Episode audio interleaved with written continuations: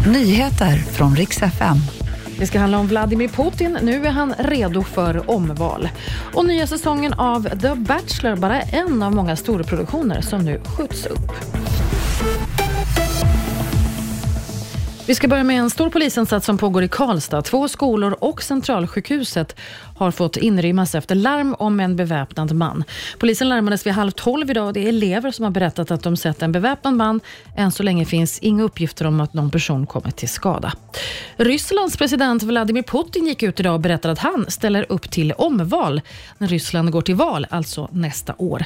Och Det här betyder att han troligen kommer att kunna sitta kvar vid makten till minst 2030. Många ser ju valet som en ren formalitet. Bland annat Reuters skriver att med stöd av både staten, statliga medier och att han är i ett samhälle där få vågar utmana honom så blir han nästan garanterad att vinna.